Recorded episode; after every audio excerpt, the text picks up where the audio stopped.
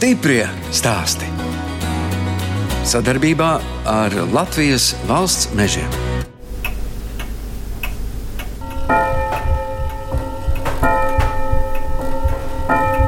Pūkstens tā kā mājas dvēselīte, viņš tā ieskandina forši to stundu, pusstundu. Vecmāmiņa no rīta līdz naktī pa dārzu. Pagājušajā gadā nosvinējām simts gadu dzimšanas dienu. Nevar jau atpalikt, kad uh, čakls vīrs, čakla vecmāmiņa, kura visas domas ir izravējusi līdz pat savai simtajai jubilejai.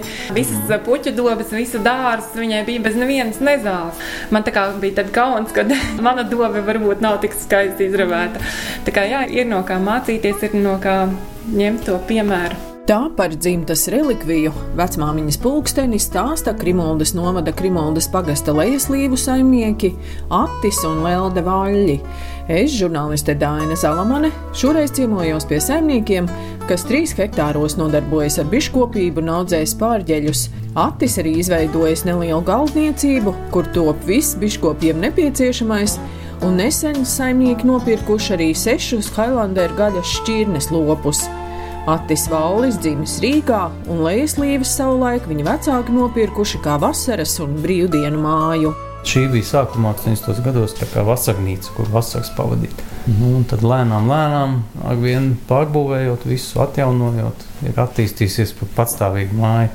Kas tad tās bija pēc profesijas? O, viņš ir rengentehniķis. Viņš ir apkalpojis ļoti daudz slimnīcas Latvijā, remontējis rengena aparātus. Nu, tāds specifisks darbs. Strādāja Rīgā, bet gribēja kaut kur pēc nu, darba atpūsties jā, jā, kā jau maziem bērniem. Mēs bijām trīs bērni ģimenē, es un divas māsas. Un tad vajadzēja kaut kur vasaras pavadīt. Cauri jumtu sabuļko sēka, bet tā tad lēnām sāka visu sakārtot, atjaunot. Man jau tēvs ļoti čakls. Viņš arī strādāja piecos darbos, kādreiz viņa tik 10, 11 naktī ieraudzīja.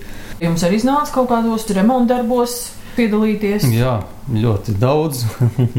Pēdējā posmā tad eh, varbūt vairāk es uzņēmos to remontu, virsvadību un darīšanu. Kad augšā otro stāvu sev izremontēju, tur jumtus mainīju, saimniecības ēkas taisīju no jauna, pirtiņu paplašinājām. Ati un bērnībā, kas jums interesēja? Galvniecība man patika. Protams, viss, kas bērniem izklaides. Skrituļdēļ, velosipēdi, motocikli. Daba ļoti patika. Bet mācījāties jūs skolā Rīgā? Jā, Rīgas 6. vidusskolā. Visi draugi bija turpat apkārt skolas laikā. Bet pa brīvdienām braucu uz laukiem un beigās jau tīņu gados jau braucām, kad te vecāku nav. Ziemā no Siguldas gājām kājām 10 km no vilciena draugiem. Nu, tad izklaidējāmies, kā nu mācījām. Droši vien te bija tā brīvība, vai ne? Nu, tieši tā. Kādu profesiju tad jūs izvēlējāties? Nu, es esmu pēc profesijas geodēzists, zemes ierīkotājs. Pēc maģistratūras specializācija geodēzijā. Lauksaimniecības universitātē. Arī lauksaimniecības izglītība, kas tagad ļoti labi noder. Bet kur tad jūs ar to akti satikāties tajā Jālgavā? Pirmo reizi Jālgavā, jā. Saruna laikam kaut kā tā iegrozījās par to, ka esmu no Raganas. Un tad uh, vienā reizē pie manas mājas piebrauc motociklis un atnāk aktis. Bet Raganā bija kādas trīs lēlas, laikam, bet viņš bija laikam pie cik lēlēm divām bijis vēl. Jā, visas bija apbraucis. visas oh. Raganā sākām ar dzīvokli, pēc tam līvām māja. Līdz skolai 5 minūtes tur bija tāda ciemata dzīve. Bija. Un tā vienmēr likās, o jā, tā Rīga, tāda vilinoša Rīgā, tā labā dzīve. Un jūsu vecāki, ko darīja? Vecāki, mana mamma ir uh, skolotāja, bioloģijas, ķīmijas, visu mūžu strādājusi skolā. Un uh, tēvs sākotnēji bija zootehniķis. Putniņu ferma, kad tika veidota, dibināta, viņš bija kā galvenais zootehniķis. Tur bija govs, tur bija pirmais uh, padomju savienības karuselis. Tad viņi slauca, griežoties pa to riņķi. Tad es atceros bērnībā televīzijā manu tēvu rādīja, un tas bija tāds notikums. Tad, kad uh, tajos 90. gados mainījās tā viss sistēma, tad teica atguva zemi.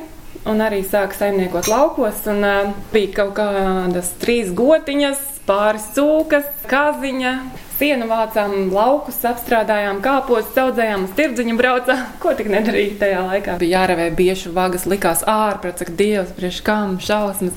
Bet tagad tu to kā pieaugušais atceries, likās, tas bija fantastiskākais laiks. Tu to uztver kā tādu vērtību, ko atcerēties, un ka tas bija tāds piedzīvojums. Pēc vidusskolas, nezinot, ko gribu darīt, iestājos vidas saimniekos, bet uh, gribēju iestāties ainam arhitektos. Tur es netiku budžeta grupā, nācās iet tur, kur tika budžeta grupā. Bet tā kā man tas netik ļoti interesēja un aizrāva, tad tomēr tās mācības Jelgavā pēc pirmā semestra beidzās. Tad es gadu nodzīvoju Vācijā, pastrādāju. Un ko jūs darījāt Vācijā? Vācijā es biju kā auklīte. Tajā laikā bija tāda aupēra programma, kur varēja dzīvot ģimenē un auklēt bērnus. Tā bija tāda interesanta pieredze, un tad arī tās domas sakārtojās. Tā doma, ka atgriezties mājās un mācīties un, un, un dzīvot šeit, bija tā vilinošākā. Tad pārdzīvojāt arī visu to gadu, kamēr Lelde bija Vācijā.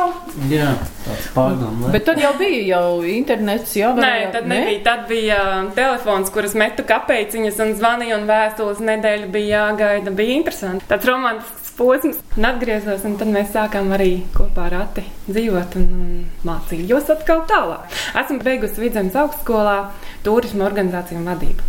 Tad mums pieteicās pirmais bērns. Tad mēs izdomājām, ka vienam bērnam būs garlaicīgi, tad vajag arī otru bērnu.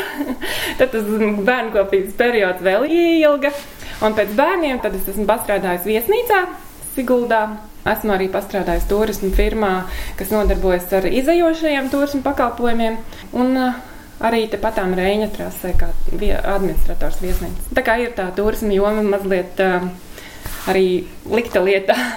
Savukārt Attis Vallis pirms savas saimniecības izveidošanas strādāja zemes dienestā. Mērījām, apsakojām, dešifrējām un viss atbalsta tīkls lielai daļai valsts esmu ierīkojis 2000. gadu sākumā. Uz pasauli apstaigāt. Zemes ceļi gandrīz pusi Latvijā zinām. Pēc laika meklēju jaunus izaicinājumus, un tad eh, sāku komercstruktūrās strādāt un piedāvāt eh, instrumentus geodēzijas darbiem, celtniecībai. Tirdzniecība, apmācības, lēnām izveidoju savu uzņēmumu. Sākumā sniedzu inženiertehniskus pakalpojumus, specifiskus ekspertīzes, uzmērīšanu par kaut kādām lietām, telpiski, trīs dimensijās. 3D? Un, Jā, uzmērīt kaut ko specifisku, piemēram, kā Rīga plaza fasāde. Jā, viņa ir tur tāda liekta, nevis taisna. Tad uznāca krīze, un pēc krīzes sākām pārkvalificēties vairāk uz lauksaimniecību. Stiprie stāsti.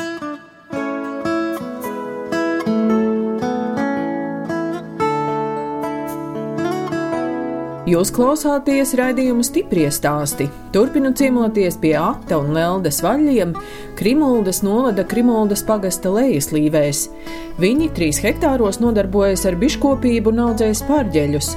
Ar Ati vispirms apskatām galvniecību, kas izveidota bijušajā garāžā un kur ražo tikai biškopībā nepieciešamas lietas. Viss iekārts pašu projektēts, tepat Latvijā pašu taisīts. Savu funkciju viņš ļoti labi veids, jauda ir pietiekoša.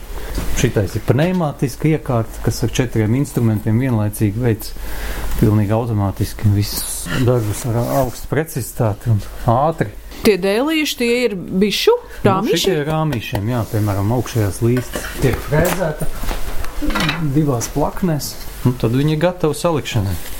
Otra iekārta, kā tu vari redzēt, kā speciāls zāģeripas, kad tu vari mainīt dažādus platumus, un tas arī ir pilnīgi automātisks. Un šīm iekārtām faktiski var visa veida. Šis process ir faktiski tikai bišu rāmīši. Dažādi veidi platumi, dažādi augstumi. Esam gatavojuši kādus 20, 30 veidus dažādus. To- Ir tik līmenī. daudz bitinieku Latvijā, ka vajag tik daudz viņiem ražot tos rāmīšus, ka jūs to vien darāt. Nu jā, vajag kvalitatīvus rāmīšus, labus, ērti saliekamus un par labu cenu.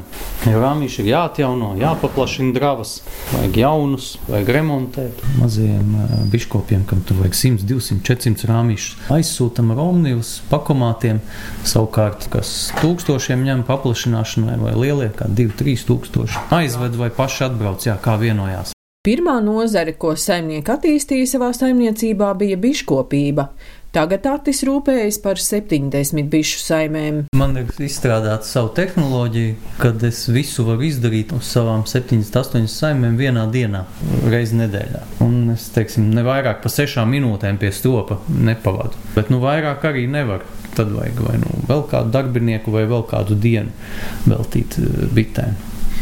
Medus jomā man liekas, vislabākais ir tas kompliments, kad tie pastāvīgie klienti katru gadu brauc un pērk. Un tas ir liekas, tas labākais, ko vien var vēlēties. Mēs arī cenšamies cilvēkus izglītot un interesēt. Ir um, Biškopības biedrībai tāda medus diena dravā, kad sezona ir beigusies. 2.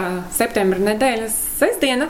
Tad mums pagalmā ir tāda kārtīga rosība, tā kā stropā, kad sabrauc cilvēki no dažādām vietām. Tālākais, man liekas, bijis Jālgava. Sarunas, degustācijas, ejam pie bitēm.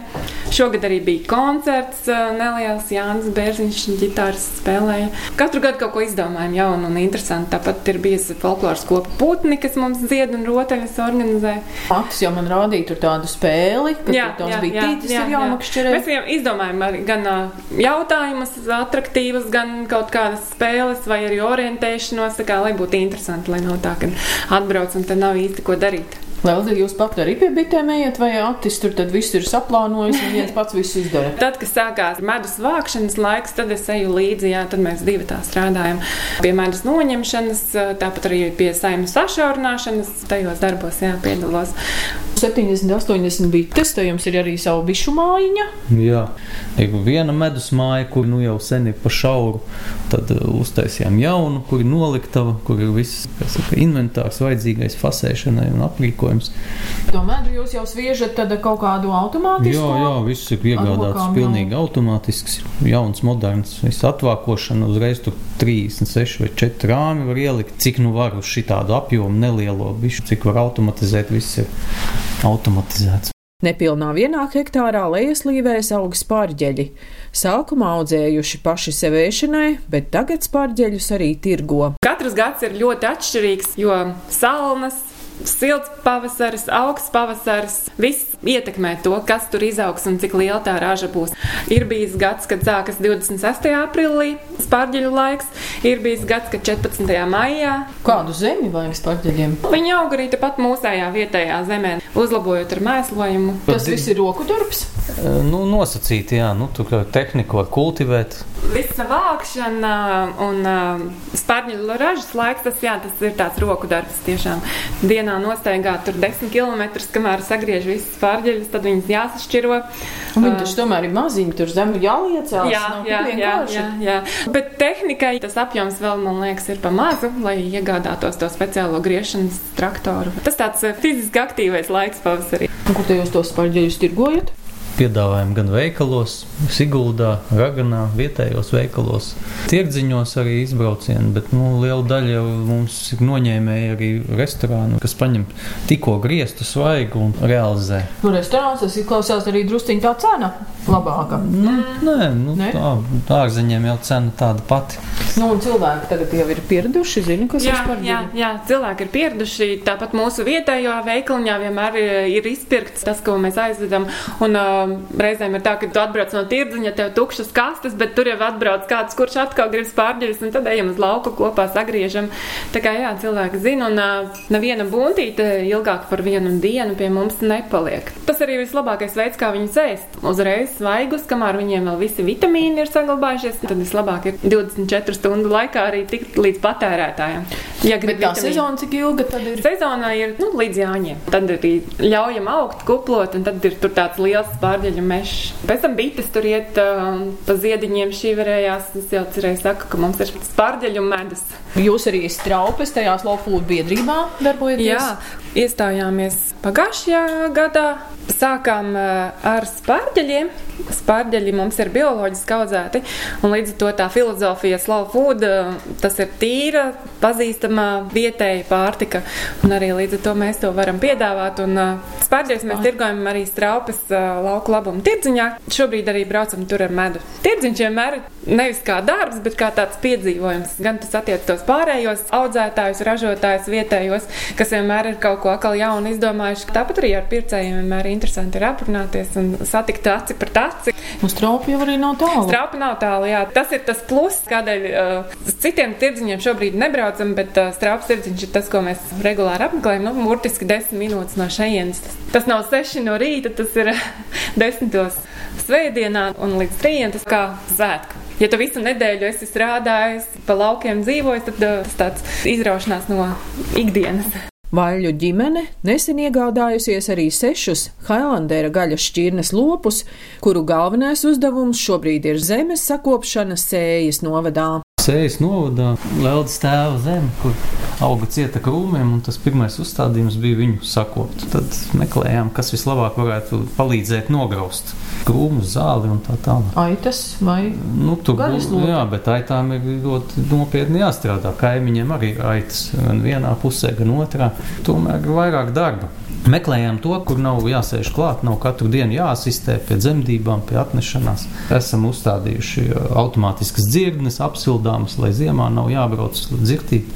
Esam uh, video kameras uzlikusi, kur varētu paskatīties, ko govis dara, vai ir barība, vai ir ūdens. Attālināti, lai var visu Telefonā izdarīt. skatīties? Jā, jā, apstīties, pagrozīt kameru, signalizācijas, nakts redzamības, pa perimetru kapitālu žogu ar koku stabiem un nospriegotām trīs elektriskajām, lai nepārauj maksimāli, kā saka, droši, lai nav katru dienu jāskrien skatīties. Bet tie Highlanderi vislēnāk aug no tiem gaļas lopiem. Tas ir labi. Mēs vēl gadus daudzus varam nedomāt, kur viņus realizēt kā gaļas lopas. Nu, tā faktiski lopi šobrīd ir, lai tiešām to zemi apkoptu. Primāri tas, jā. Pēc tam skatīsimies, vai Un tie lietos ir Highlanderi ir tādi brūni, bet ar tādiem milzīgiem Jā, ragiem. Ļoti mīlīgi. tā kā Mīlīgi Tādi ragi, jā, uz pusmetru, spalvaini, tādi mežonīgi, varētu teikt, bet ļoti lādzīgi. Lopkopība tas atkal ir uh, kaut kas pilnīgi cits. Vai jums vienkārši vairs nav bail mesties, izmēģināt kaut ko jaunu? Nē, Dzīve iegājusi šiem desmit gadiem tādā rutīnā, ka ikdienas darbi, visi, visi jautājumi, atbildes, ko tu, tu jau zini no galvas. Kāpēc gribās kaut ko jaunu, kaut ko, kas nav Un šeit? kāpniks tad kaut ko likvidēsiet, vēl kaut ko jaunu Vai papildināsim, vai kā, bet arī visam jau pamatā ir aprēķins. Nekas jau nav tāpat. Līdz šim bija jāmaksā soda naudas par nesakoptu lauksaimniecības zemi. Pat tiem 20 hektāriem kaut kāda 300 eiro, bet, nu, kad tu 10 gadus maksā, tas tomēr ir diezgan daudz. Un tā ideja ir lēnām sakopt, un tad varbūt var gūt vēl kādu labumu. Sējas novadā nav tādas govis, Krimultas novadā arī nav vēl. Jūs esat pirmie. Jā, mēs atkal esam kaut kādā nozarē pirmie.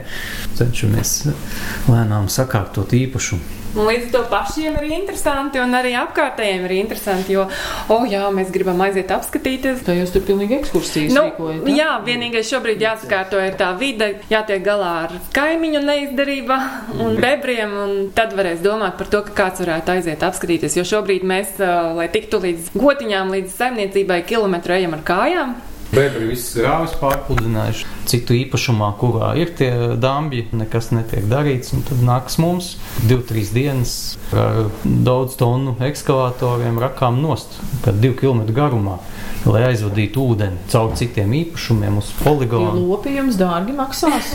Nu jā, bet būs sakopta vide atkal viena. Ja? Tāpat kā šī māja, es parādīju bildes, kā te bija sākumā. Tas pats arī tur ir mērķis. Sakops, grāvis, patīrījām, kontūru grāvis, atrakām. Paldies Sējas novadam, kas drusku arī finansiāli atbalstīja šo visiem vajadzīgo grāvu tīrīšanu. Bet tas būtu jādara regulāri. Man jau liekas, no tā, ko Atis stāstīja, ka Atis tomēr tur visur tur sīki un smalki parēķina vai Jā, jā. vispār atmaksājas. Jā, tas ir fakts. Jā. Ja pirmo gadu tādam bitēm tas bija hobija pēc, tad turpmāk visas nozars ir smalki aprēķina apakšā, ieņēmumi, izdevumi, visas investīcijas tiek plānotas Jūs pats to arī visu darāt? Jā, jā, jā. Protams, ir grāmatvedi, kas ved grāmatvedību, kā ar pakalpojums uzņēmumam, bet pārējo visu jā, paši. Mēs algojam divu, trīs darbiniekus, vēl investīcijas, visas, visas iekārtas, tas jau ir investīcijas. Tur diezgan liels, beigās sanāk kaut kāds ap 100 tūkstoši trīs gados. Vai neesam ņēmuši nekādus kredītus, faktiski ģimenes budžets ir investēts. Tad, nu jā, un vēl bišķi līdzfinansējums kaut kāda trešdaļa apmēram sanāk no Eiropas Savienības, ko mēs dabonam apakaļ, bet nu, mēs arī dabonam saistības, kuras ir jāpilda. Bet jūs nekad nav biedējis, tomēr tā mazā zemes platība, kas jums te apkārt ir, tā jūs neierobežo būt vairāk zemes. Skaidrs, ka ierobežo tie, kas tajos 90. gados varēja sagrābt to zemi. Mēs jau te bijām ienācēji tēvs, tāpēc viņam knapi nepilnu hektāru tikai iedeva. Tajā droši vien katrs zemes Es leķis domāju, ka te viss bija sakārtots te jau tad, jā. kas nu kam tur pienācās it kā. Tāpēc arī mēs attīstām to, ko var uz tāda īpašuma nosacīta, maza attīstīta. Tāpat galdniecība, biškopība, tas neprasa piesaisti pie noteiktas platības. Nu, es domāju, ja izrēķina tos uzņēmuma ienākumus uz mūsu hektāru, tad ir daudz, daudz labāka tā aina nekā varbūt kādam lauksaimniecības uzņēmumam, kurš grauds audzē. Te var diskutēt par to darba efektivitāti vai atdevi. Protams, ja būtu simtiem hektāru, tad jau spļautu griestos un dzīvot silpādams. Mēs vienmēr varbūt neejam to vienkāršāko ceļu, bet mēs ejam to interesantāko ceļu. Vienmēr atrodam kaut ko jaunu, varbūt tas, kas nav tik zināms, bet uh, gribas uzzināt un gribas izmēģināt. Tāpēc jau mēs esam visu diversificējuši, dažādojuši šīs nozares, lai Iet viena labāk. otra, jā, kur iet labāk, to varbūt vēl drusku piedod uguni vairāk, un tad lai viņi attīstītu. Stiprie stāsti.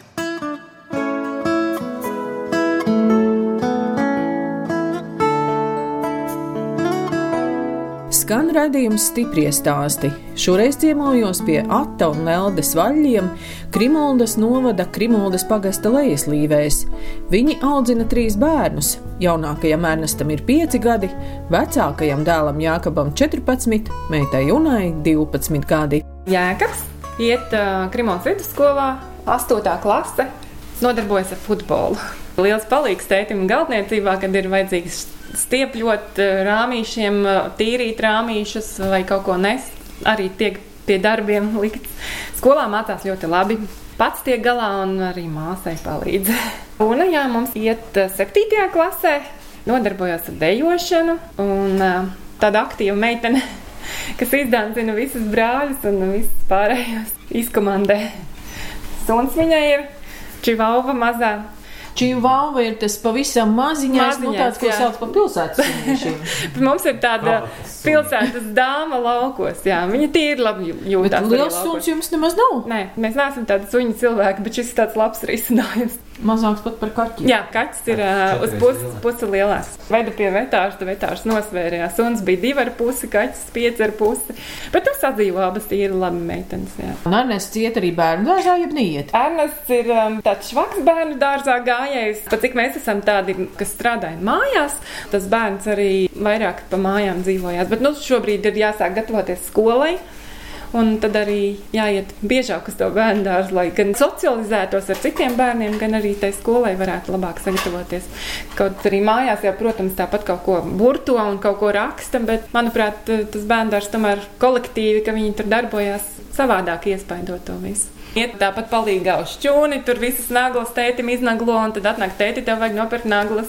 Man beidzās naglas.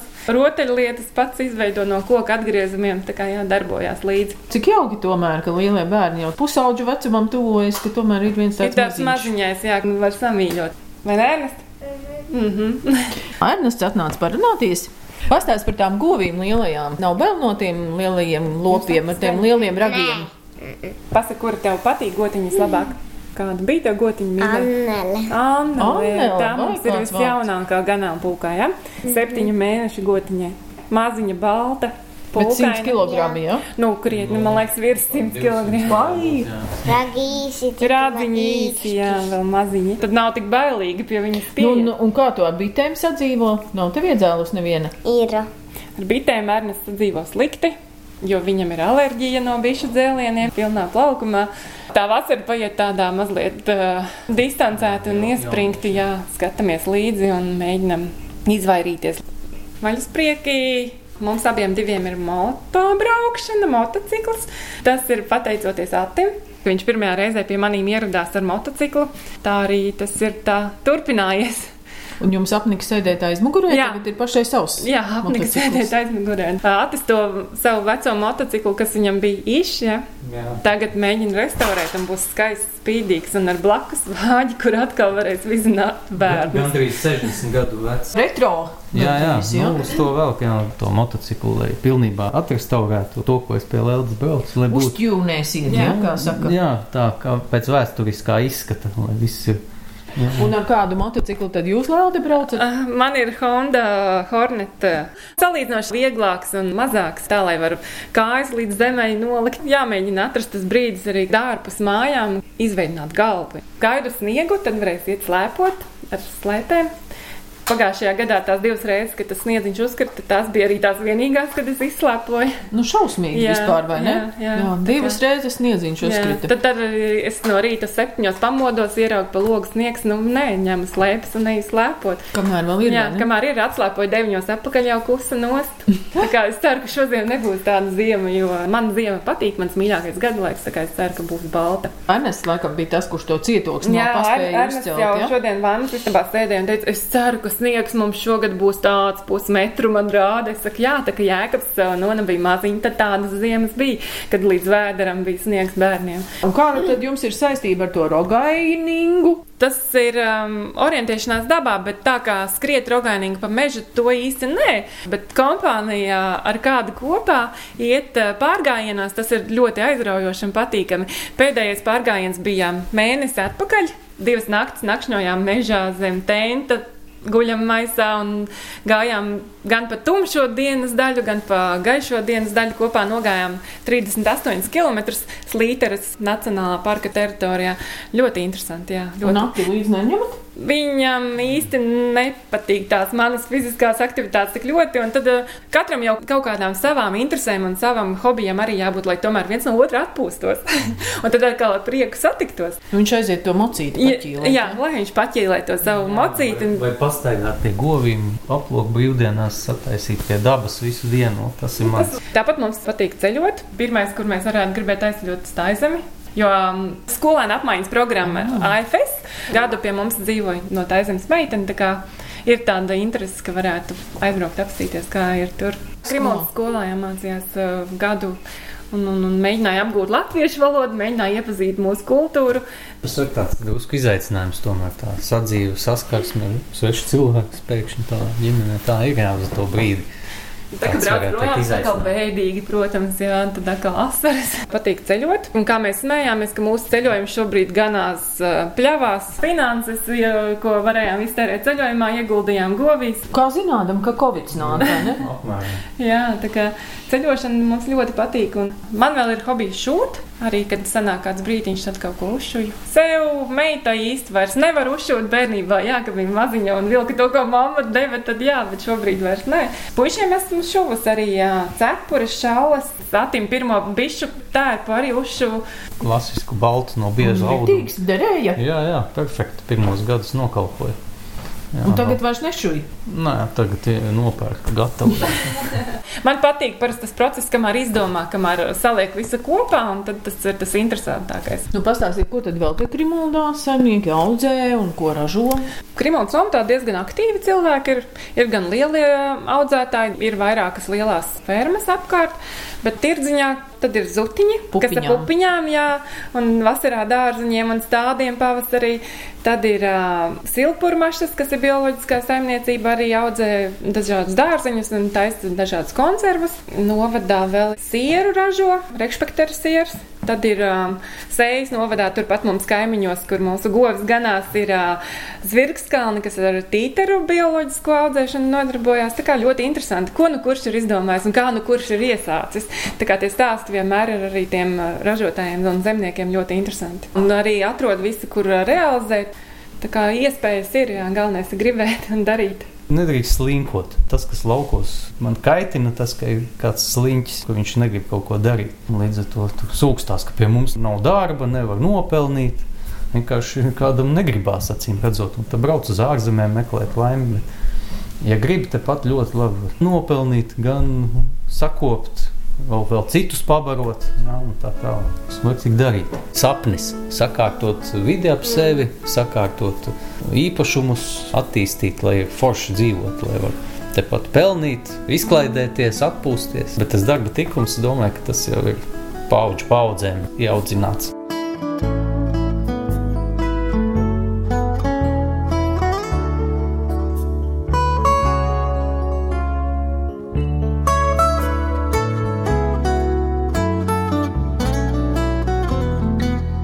Raidījums stipri stāst izskan, un es atvados no Ata un Leldes vaļiem, kas Krimuldas novada Krimuldas pagasta lejaslīvēs nodarbojas ar biškopību un audzēs pārģeļus, izveidojuši nelielu galdniecību un nesen iegādājušies Highlanders šķirnes gaļas lopus.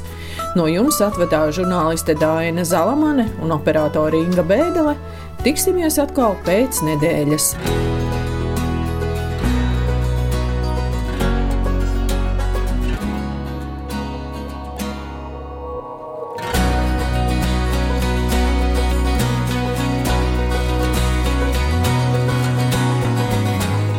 Stiprie stāsti. Sadarbībā ar Latvijas valsts mežiem.